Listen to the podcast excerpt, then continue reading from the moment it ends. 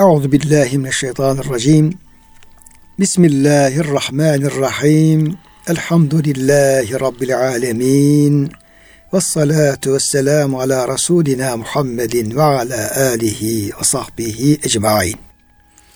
Çok değerli, çok kıymetli dinleyenlerimiz, yeni bir Kur'an ışığında hayatımız programından bendeniz Ömer Çelik, doçent doktor Murat Kaya hocamızla beraber siz değerli, kıymetli dinleyenlerimizi Allah'ın selamıyla selamlıyor. Hepinize en kalbi, en derin hürmetlerimizi, muhabbetlerimizi, sevgi ve saygılarımızı arz ediyoruz. Gününüz mübarek olsun. Cenab-ı Hak gönüllerimizi, yuvalarımızı, işyerlerimizi, dünyamızı, kubamızı sonsuz rahmetiyle, feyziyle, bereketiyle doldursun. Kıymetli hocam hoş geldiniz. Hoş bulduk hocam. Afiyettesin inşallah. Elhamdülillah. Allah razı olsun hocam. Rabbim sizlerin, bizlerin, kıymetli dinleyenlerimizin, bütün ümmeti Muhammed'in afiyetini, sıhhatini artırarak devam ettirsin inşallah. Hocam İnşirah suresinde devam ediyoruz. Burada sevgili Peygamberimiz Yüce Rabbimizin ikramları, lütufları e, sayılıyor. Büyük lütufları ama. Yani kıymetini bilecek olsak burada kısa kısa ayet kelimeler hemen söyleyip geçiyor ama bunun derinlemesi düşündüğümüz zaman burada bahsedilen nimetlerin öyle pahaya gelmez çok büyük nimetler olduğunu anlarız yani. Evet hocam. Böyle işte Efendimizin sadrının e, açılması, sırtındaki yükün kaldırılması, e, şerefinin yükseltilmesi yani zikrinin, şerefinin, izzetinin yükseltilmesi gibi e, lütuflar söz konusu ediliyor ilk ayetler, ilk dört ayette. Şimdi peşinde hocam bu ayette tabi bu önceki ayetlerle bağlantısını da e, kurmamız gereken bir ayet geliyor. Bir zorluktan bahsediyor, bir kolaylıktan bahsediyor ve bunu ifade ayet-i kerimede aynı kelimelere tekrar ediyor. Ayetimiz şöyle 5 ve 6. ayet-i kerimeler fe inne ma'al usri yusran elbette zorlukla beraber zorluğun yanında bir kolaylık vardır. İnne ma'al usri yusran gerçekten zorlukla beraber zorluğun yanında bir kolaylık daha vardır. Böyle bir el usur diye hocam elif lam takısıyla bir zorluktan bahsediyor. Peşinden de yusran nekra bir kelime ile kolaylıktan bahsediyor. Şimdi buradaki bir bu zorluk ve kolaylığın bu önceki ayet kerimede bahsedilen peygamberimin sadrının genişletilmesi, zikrinin şerefinin artırılması, yükünün kaldırılması ile bunun efendim ne alakası olabilir? İkinci olarak da bu ayetin kastettiği zorluk nedir? Ele osur. Nasıl hmm. bir zorluktur? Ve bununla beraber Cenab-ı Hak lütfedeceği kolaylıklar nasıl kolaylıklardır hocam? Bu çerçevede e, biraz izahatta bulunabiliriz. Hocam Kur'an kıssalarının ve diğer ayetlerin, vaatlerin pek çoğu Peygamber Efendimizin vazifesini vazifesi esnasındaki sıkıntılar karşısında tesellisiyle alakalı gibi görünüyor. Yani büyük bir vazife almış Peygamber Efendimiz. Tek başına bütün alemi karşısına almış e, bir iş yapıyor. Tabii ki normal insan bakışıyla baktığımızda bu biraz olmayacak bir iş gibi görünebilir. Mantıksız bir iş gibi görünebilir. E, veya işte bir avuç Müslümanın Bizans'a, İran'a kafa tutması mesela hiç olmayacak bir iş. Yani plan yaparken düşünsen böyle şey olmaz dersin. Veya bütün dünya bir inançsızlığa saplanmış gidiyor. Birisi diyor ki ben tek başıma çıkıp bunun hepsini düzelteceğim. Düzelteceğim desen hiç kimse bunu hiçbir insan aklı kabul etmez gibi. Böyle bir zorlu görev içinde olan peygamberimizi Cenab-ı Hak devamlı bir teselli ediyor, ibretler veriyor, örnekler veriyor. Önceki peygamberler de onlar başardılar. Büyük zorluklardıktan sonra sen de başarırsın. Bazı ümitsizliğe düştüğünde teselliye ihtiyacı oluyor falan. İşte bu ayetlerde onun gibi yani peygamberimize nimetler sayılıyor. Sen bak e, şu şu şu nimetlere Cenab-ı Hak sana büyük nimetler lütfetti. Ümitsizliğe kapılma. İşte Allah seninle beraber de daha başka lütuflar da da bulunur. İşte peki vazifende zorluk varsa ona da üzülme. Mutlaka onun bir kolaylığını da Cenab-ı Hak verir diyerek böyle peygamberlik vazifesinin e, tebliğin, İslam'ı anlatmanın e, devam etmesi için teşvik mahiyetindeki ayet-i kerimeler olması açısından. O zaman el usur yani o tebliğ yolundaki Efendimizin karşılaşacağı zorluklar. zorluklar. Tabii hocam yani devamlı çünkü Peygamberimizin hayatına zaten baktığımız hocam 20 yıllık bir hayat, peygamberlik hayatı. İşte 23 yıl hicri ama miladiye baksak 21 yıl falan bir hayat. Ama o 20 yıla ne kadar iş sığmış hocam. Hiç de böyle bir rahat, boş geçtiği olmamış. Hep büyük sıkıntılar. Bir, sıkıntı yaşıyorsun. Yani bir nefsani hazla, keyifle, bir Hiç yok. istirahatla. Yani 20 yıl baktığımızda hayatımızda herkesin kısa bir vakit yani. İşte biz diyelim okulu bitirmişiz. 20 yıl geçivermiş üzerinde. 20 yıl da geçmiş. Bizim 30 yıl hocam. He. Işte. Yani 20 yıllık bir vakit kısa bir vakit ama yaşananlara baktığımızda hocam. Ne yaptık? Yok peygamberimizin yaşadıklarına baktığımızda hepsi büyük büyük problemler. Yani karşısına işte bir... Yani el osur. Osur hepsi hocam. Ama onun peşinden bir sürü geliyor. Bir sürü geliyor. Yani Mekke döneminde zaten o sıkıntılar, e, ambargolar, hicretler, ondan sonra... Peki, peki hocam bu yani zorluk Efendimizin şahsından, nefsinden kaynaklanan zorluk değil. Çünkü vazifesini yapıyor tabii, tabii. ama o vazifeyi yaparken ki karşı taraftan çıkan zorluklar. Zor tabii. Hicret, hicretten sonra bir bakıyorsun işte Yahudiler çıkıyor karşısına, Bedir çıkıyor, Uhud çıkıyor. Her hepsi bunların büyük büyük problemler, büyük sıkıntılar. İnsan bu kadar hakikaten yoğun bir tempoya dayanması zor olabilir hocam. Ee, Cenab-ı Hak onun için devamlı durma, devam et. Allah seninle beraber. Cenab-ı Hakk'ın sana lütufları devam ediyor. Bu zorluklar mutlaka aşılacak, kolaylıklar gelecek.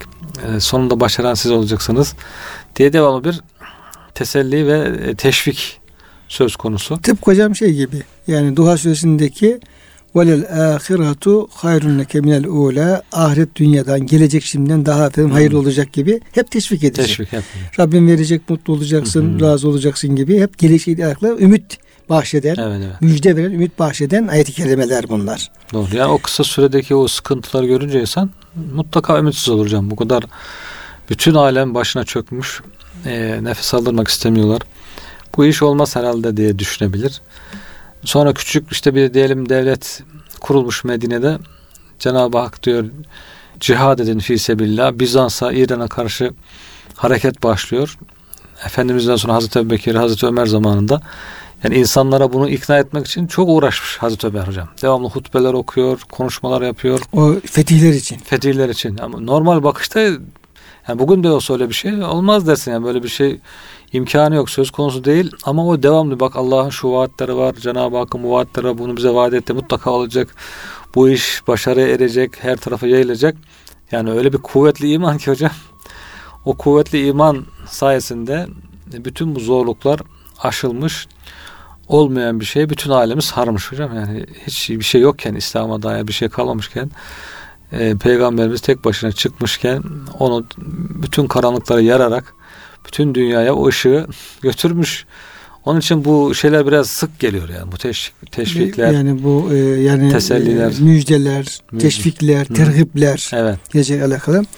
Şimdi hocam bu meşhur bir müfessirimiz var. E, Zemakşeri diye. Onun Keşraf diye eseri var. Zaman zaman da burada nakilede bulunuyoruz. Özellikle Kur'an-ı Kerim'in dil incelikleri, belagat incelikleri noktasında bütün müfessirlerinde bir müracaat ettiği bir e, tefsirdir o. Burada hocam iki şeyle alakalı bizatta bulunmuş müsaadenizle. Bir, eminki şey, Cenab-ı Hakk'ın peygamberinin sadrına gelişlik vermesi, yükünü kaldırması, zikrini yüceltmesi gibi o lütufların peşinden böyle bir zorlukla bir kolaylık gelmesi ile ilgili bir beyanın, açıklamanın gelmesi bağıntısı ne olabilir diye o bağıntı ile ilgili bir açıklama yapmış. Şöyle bir açıklama. Müşrikler Peygamberimiz sallallahu aleyhi ve sellem Efendimizle onun yanında bulunan müminleri fakir ve elleri dar diye ayıplıyorlardı. Bu zaten bir vaka hocam. Yetegamezun diyor. Onlara dallun diyorlar. Onlar sapkınlar diyor. Müstehzi. E, tabi alay ediyorlar. Alay Özellikle fakirlikleriyle hocam alay ediyorlar yani. Peygamberimizin de yanındaki özellikle efendim ilk Müslümanların fakirlikleriyle ayıplıyorlar. Hatta kendi kendilerine dünyayı bunlar e, işte e, mahrum ediyorlar kendileri tarzında. Özellikle bir kızım haramdan işlemesi noktasında yine onu ayıplıyorlardı. Bundan dolayı Peygamber Efendimizin aklına bunların Müslümanlar fakirler diye İslam'a girmeyi istemedikleri ve kendilerini fakir oldukları için hakir gördükleri şeklinde bir düşünce gelmiş olabilir. Hmm. Yani hakikaten de böyle e, Müslümanlar fakir olduğu için de insanlar efendim fakirlik de sebebiyle dinlerine karşı bir tepki gösteriyorlar. Yani onlar doğru yol olsalardı Allah ona bol bol ikram ederdi. Zengin olurlardı gibi böyle bir yanlış anlayışlar da olabiliyor. İşte bu düşünce üzerine Allah Teala ona ne kadar büyük nimetler verdiğini zikretti.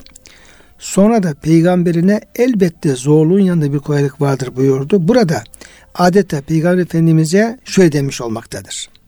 Biz sana en büyük nimetleri verdik. O halde sen Allah'ın sana ihsan ve lütufta bulunacağını kesin olarak emin ol. Çünkü her zorluğun yanında bir kolaylık vardır. Yani bu kadar nimeti sana veren allah Teala bundan sonra da karşılaştığın zorluklarda mutlaka yardım edecektir. Evet. Yani verdiklerimiz vereceklerimizin bir garantisi. Yaptıklarımız yapacağımız bir garantisi olarak düşünülebilir diye. Evet. Böyle bir bağıntı kurmuş.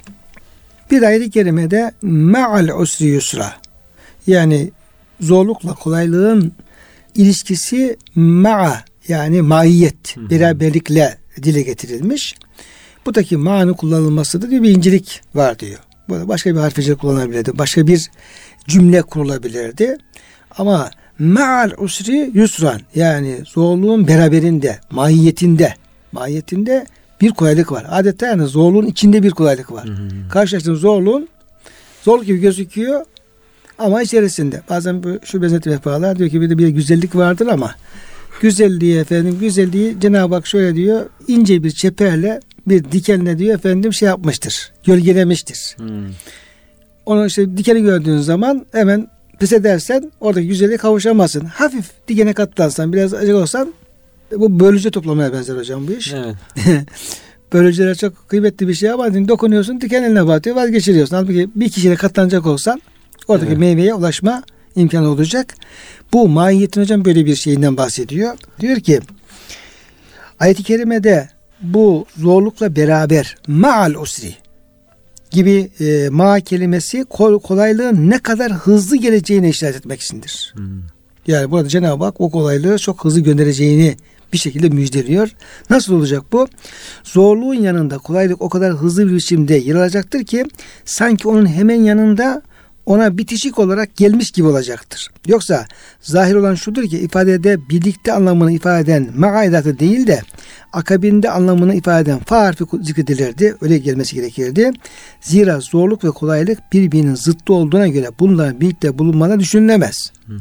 Şimdi birbirinin zıttı ama Cenab-ı Hak ayet-i kerimede iki zıt şeyi beraber, beraber zikrediyor. Halbuki öyle değil yani. Zorluk başka bir şey, kolaylık ayrı bir şey.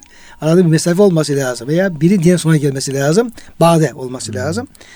Buradaki Yüce, Cenab-ı Hakk'ın o zorluğa katlanan insanların kolaylığı ne kadar hızlı bir şekilde ulaştıracağını ayet müjdelemiş oldu. Bir dil inceliği ama evet, çok güzel, güzel bir şey hocam burada. Bir de İbn Arabi Hazretleri'nin bir açıklaması var. Bir iki hadis-i şerifle bu izah ediyor.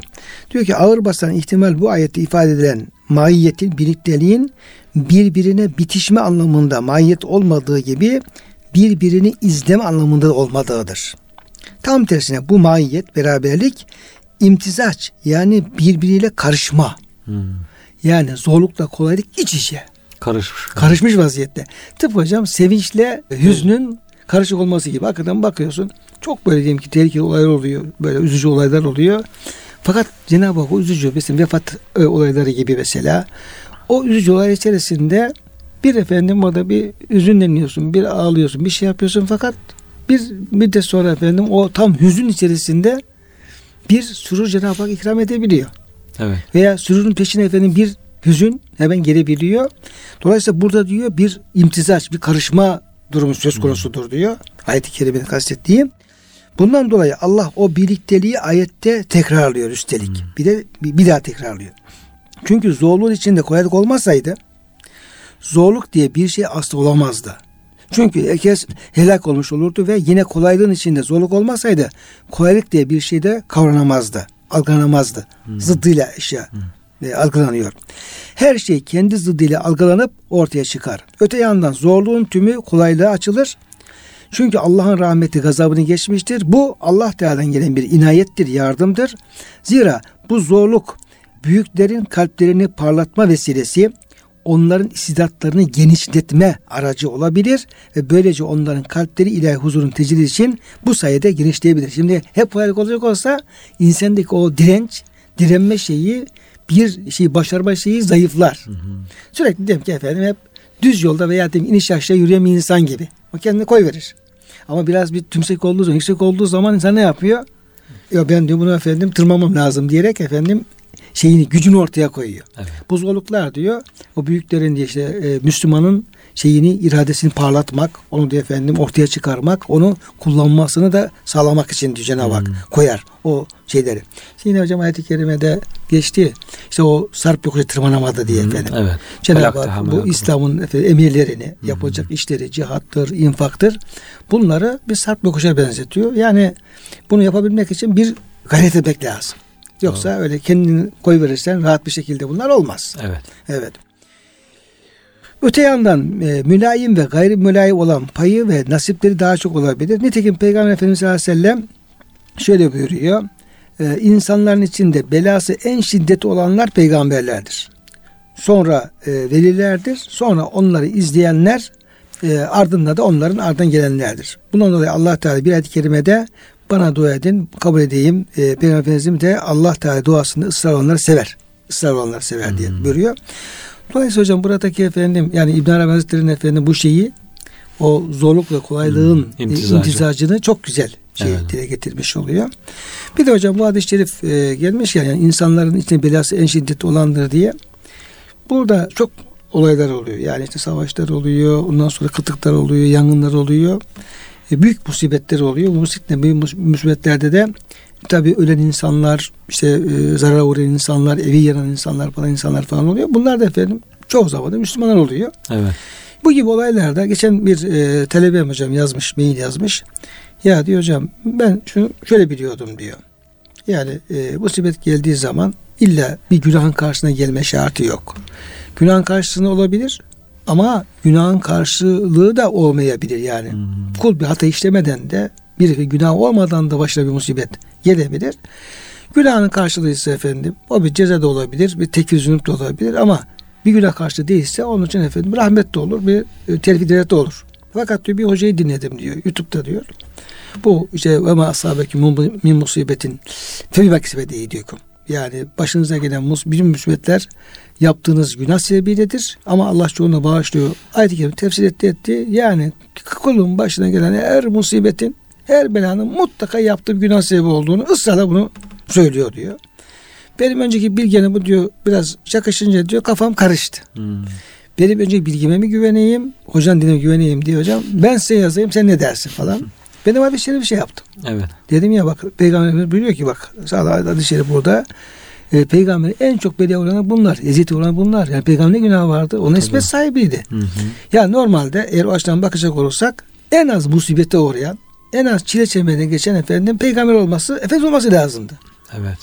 Diğer müminler de böyle. De başlarına efendim hadislere gelip sahabe-i kiramın, diğer efendim müminlerin, Ebu Hanife Hazretleri'nin işte efendim mezhep imamlarımızın, Allah dostlarının falan hepsi böyle mesaip içerisinde efendim adamlar ömrü geçmiş. Evet. Şimdi dolayısıyla burada e, bir orta bir yol tutmamız lazım Tabii. diyeceğim söyledim. Dedim senin önceki bilgin daha doğru. Daha doğru. doğru. Evet, senin ilk şeyin daha doğru. Adamın efendim günahı varsa ya ona efendim ceza olur veya efendim bir tekfir zünüp olabilir ama yoksa terfi derece olur. Hmm. Allah onu o şekilde günahını temizler. Ondan sonra derecesini yükseltir. Teskiye eder falan diye. O şekilde hocam bir şey söyledim yani. Uzun bu sabah okuduk hocam bizde tefsir kitabında. İşte uzun süre yaşamış tecrübeli bir Müslüman ya sahabe ya tabiinden tam net değil orası. Onun bir sözü vardı. Allah diyor iptila eder, imtihan eder diyor. Kimi imtihan eder? Kendisini zikreden, şükreden, sabreden ve kendisinden başka kimseye kulluk etmeyen kullarını diyor daha öncelikle imtihan eder diyor. Yani onlar hakikaten böyle bir iddiaları var. Müslümanız diyor, Allah seviyoruz diyor. Onlar bir imtihan eder Cenab-ı Hak diye söz, söz var hocam. Dolayısıyla yani buyurduğunuz gibi orta yolu sadece günah işlemesi şart değil. Günahın karşılığı olarak da imtihan gelebilir. Sadece e, derece yükseltmek için de lütfu olarak da imtihan gelebilir diye. O en güzel izah tarzı herhalde hocam. Evet.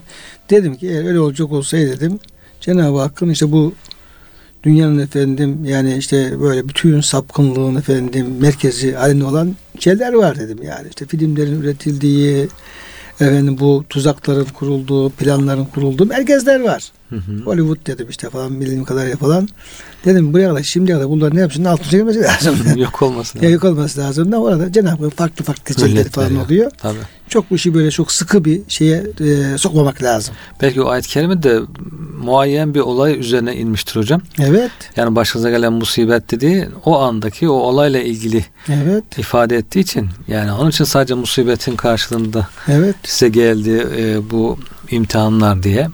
Yoksa genel manada bakıldığı zaman her zaman musibet karşılığında değil. Değil.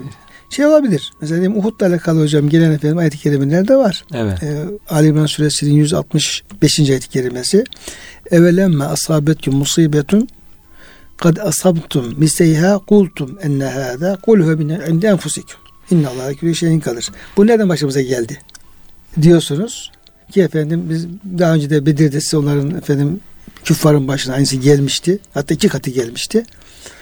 Ondan sonra o sizin efendim sizdendir. Hı hı. Sizin hatanız sebebi bu oldu diyor hocam. Böyle evet. yani özel olayla ilgili olarak böyle ayet-i kerimeler var. Tabii. Bunları genelleştirirsek. Bunları genelleştirdiğim zaman yanlış olabilir. Tabii hocam. Evet yani ayet-i kerimelerin manasını ve hükmünü de yani tamim ederken, genelleştirirken mutlaka elimizde bir sağlam bir kaynak olması lazım. Diğer türlü e, yanlış bir Doğru. hüküm verebiliriz. Doğru hocam. Evet. Bu e, şeyle zorlukla kolaylığın imtizacı ile ilgili hocam.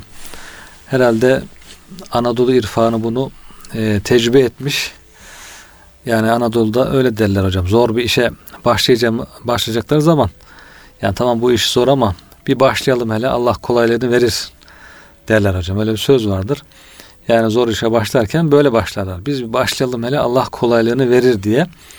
Yani baştan sona zor bir iş bile olsa onun aralarda Cenab-ı Hak mutlaka kullarını nefes aldıracak kolaylıklar, rahatlıklar vererek e, dışarıdan çok zor gibi görünen bir iş içine girildiği zaman kolayca tıkır tıkır işlemeye başlardı yani.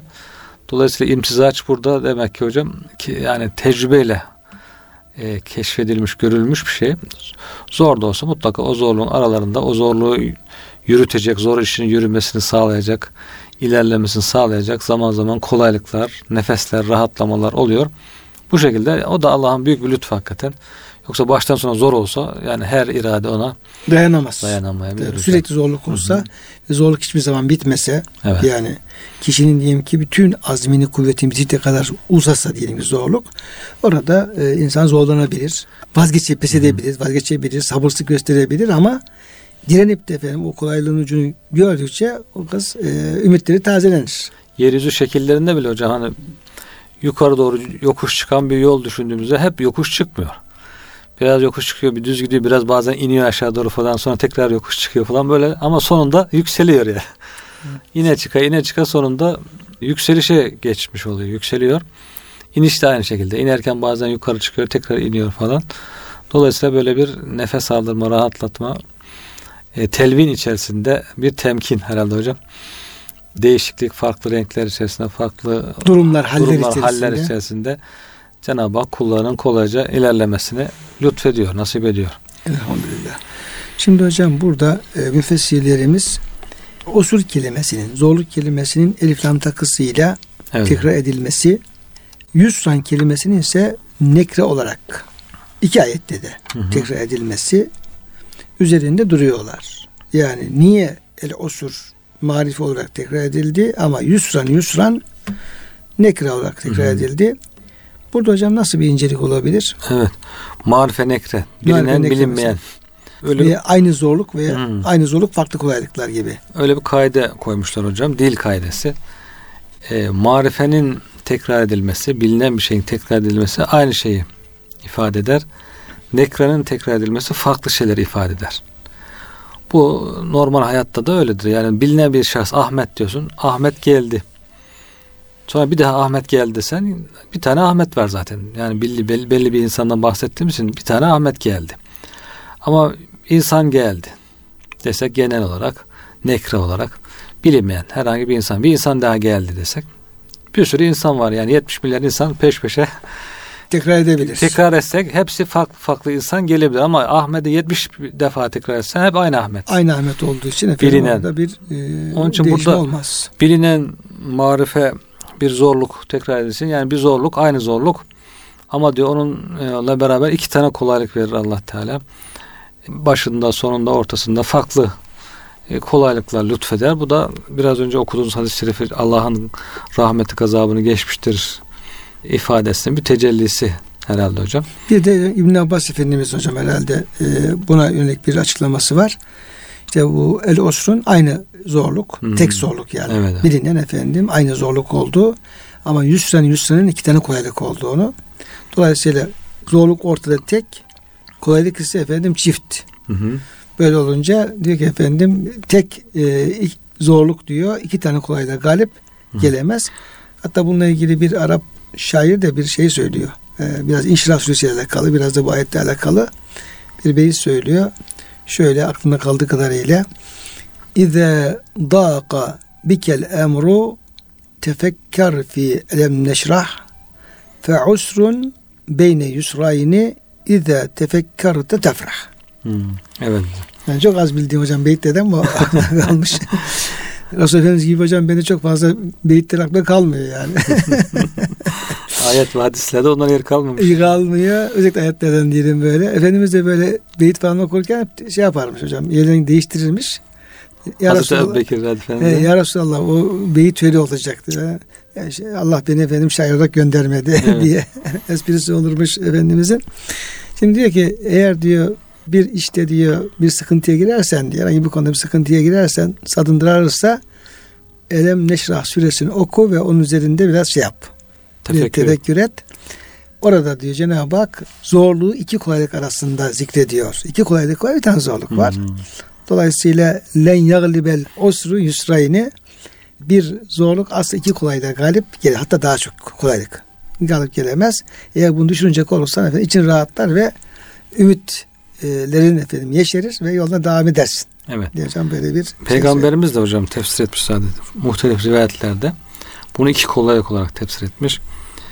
Cabir bin Abdullah radıyallahu anh diyor ki Resulullah sallallahu aleyhi ve sellem bizi diyor 300 kişilik bir orduyla seriye olarak gönderdi.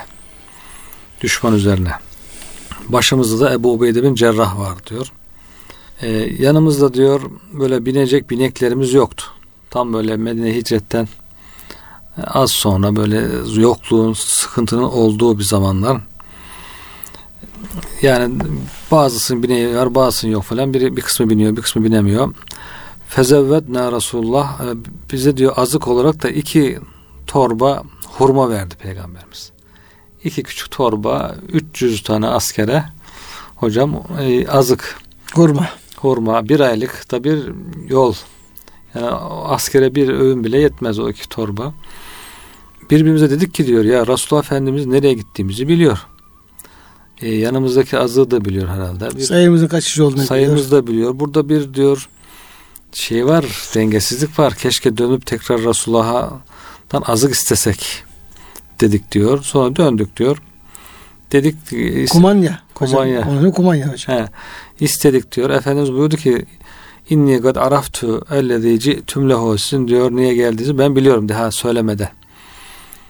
Onlar yanına varmışlar Efendimizin daha söylemeden niçin geldiğinizi biliyorum. Eğer yanımda diyor olsaydı size verirdim. Bu kadar vardı diyor. Bu kadar verdim buyuruyor Efendimiz sallallahu aleyhi ve sellem. Biz de gittik diyor. Ondan sonra diyor e, bu ayet-i kerime nazil olmuş. Fe inne ma'al usri yusra. Resulullah Efendimiz haberci gönderdi diyor. Hemen bizi çağırttırdı.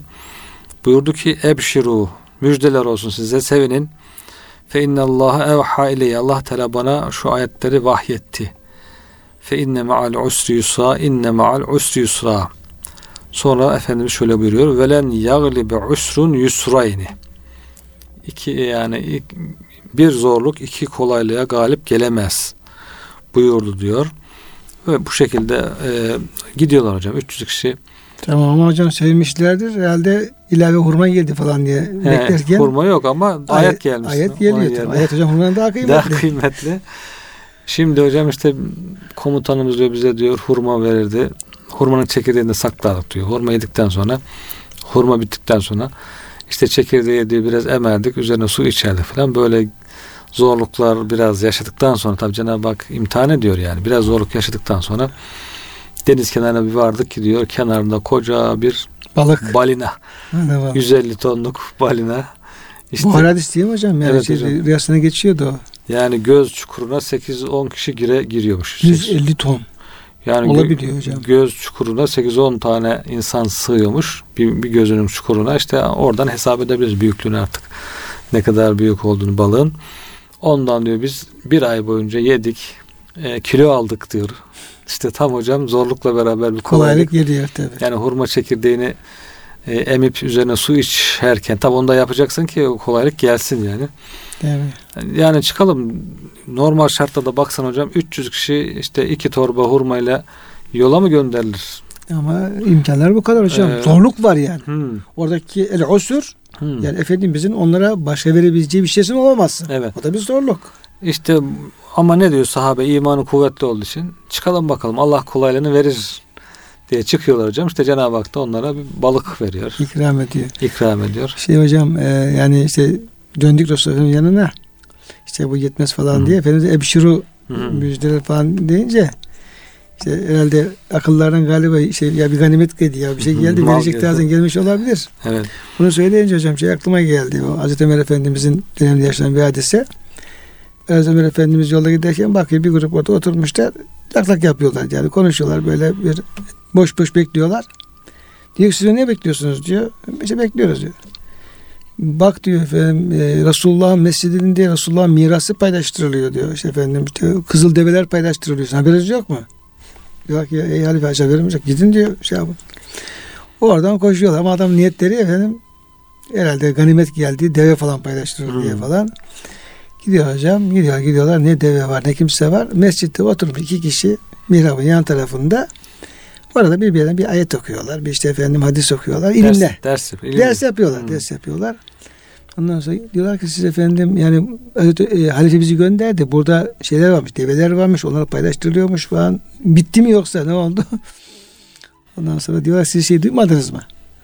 Hadis-i şerif duymadınız mı? İşte efendim bir mescide varıp orada Allah'ın bir efendim e, ayetini güzel anlamaya çalışmak, okumak kızıl develerin olmasından daha hayırlıdır biz Resulullah'ın bu mirasını paylaşırız diye o şekilde hocam orada oturuyorlar. Biraz da ona benzemiş hocam evet. bu şey. Peygamberler mal, altın, gümüş miras bırakmaz, ilim miras bırakır diye. Evet. Diğer rivayetlerde hocam Peygamber Efendimizin işte bir gün diyor duvara yaslanmış oturuyordu veya yanında bir duvar vardı. Efendimiz o duvarı göstererek buyuruyor ki zorluk diyor bu duvarın içine girmiş olsa saklanmış olsa diyor kolaylık gelir onun yanına girer onu oradan çıkarır onun yerine alır yani mutlaka e, çok zor zorluğun gitmesi çok zor gibi görünse de evet. bu zorluk geçmez. Tabii yani duvarın içinde olunca hocam demek korunaklı demek. Korunaklı yani. kaybolmuş görünmüyor oradan çıkarmak onun zor ama mutlaka diyor kolaylık gelir onun yerini alır onu oradan bu şeye benzer hocam çıkarır. Bu, o Medine'deki o Efendimizin sürgün ettiği Yahudiler var ya ona benzer hocam ve zannu ennehum mani'atu husunuhum mani'atum husunuhum. Evet. Zannettiler ki efendim o şeyleri kaleleri onların efendim Resulullah'ın yanına gelmesine mani olacak ve onlara efendim dokunmayacak diye. Koruyacak. Sonra diyor efendim kendi elleri diyor onları diyor, yıktılar diyor. Nasıl kaçacaklarını evet. Onun için yani demek ki hocam işte o zorluğu ko- kovabilecek bir şey lazım. Evet. Yani zorluk karşısında pes etmek değil de yani bırakmak değil o azimle o zorlu aşmaya çalıştığımız takdirde o bitecektir o efendim yok olacaktır. Efendimiz şeyleri böyle. Evet bir hadis-i şerif var hocam. Diyor ki ve nasru ma'as sabri zafer, başarı sabırla birliktedir.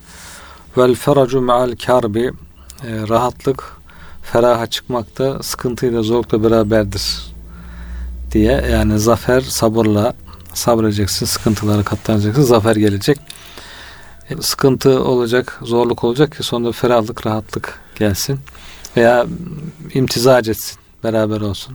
Ya büyük zaferler, Hı-hı. büyük hocam fedakarlıkların peşine geliyor. Hı-hı. Yani yani fetih demek Cenab-ı Hakk'ın bir efendim zorluğu gidermesi bir, bir kolaylık yaratması demek, ikram etmesi demek. Onun peşinde altında bir zorluk olmazsa fethin bir anlamı kalmaz. Bir e, zor şeyi efendim halletme olmazsa zaferin bir anlamı gelmez. Herkes zafere erişebilir. Dolayısıyla burada o zafere erişmek için, evet. o fethi erişmek için efendim o zorluklara katlanmak Efendimizin tabi e, hayatındaki misallerde olduğu gibi. Hocam son ayet-i kerimelerde Cenab-ı Hak bütün bu gerçekleri dile getirdikten sonra ve zorlukla beraber kolaylığın olduğu Cenab-ı Hakk'ın bunu hızlı bir şekilde ikram edeceğini E, haber verdikten sonra feize ferahte fensab boş kaldığımı hemen başka işe koyul. Ve ile Rabbike ferhab Rabbine yönelte. Bu birinci ayet hocam farklı şeyler söylüyor ama Rabbine yönelmek de ayrı bir. Onunla beraber ötesinde daha önemli kullukla alakalı bir şey söylüyor. Dolayısıyla bu yani ayet-i kerimenin kastettiği bu yaptığı yapılacak iş veya o işi bitirince ne tür bir iş yapacağız, onu nasıl şekilde bitireceğiz ve peşinden de fensap nasıl bir işe Hı. yöneleceğiz. Yani demek ki hocam nimetler hatırlatıldı, teselli yapıldı, ondan sonra vaatlerde bulunuldu.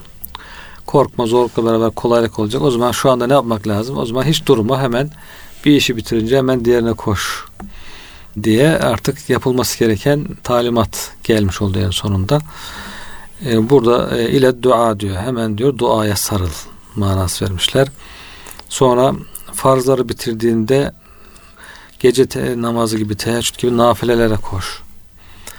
İza ferate minel feraid fensab fi kıyamil leyl İbn Mesud'dan bir tefsir var hocam. Farzlar bitince işte yatsı biraz istirahat et hemen ondan sonra teheccüde koş diye.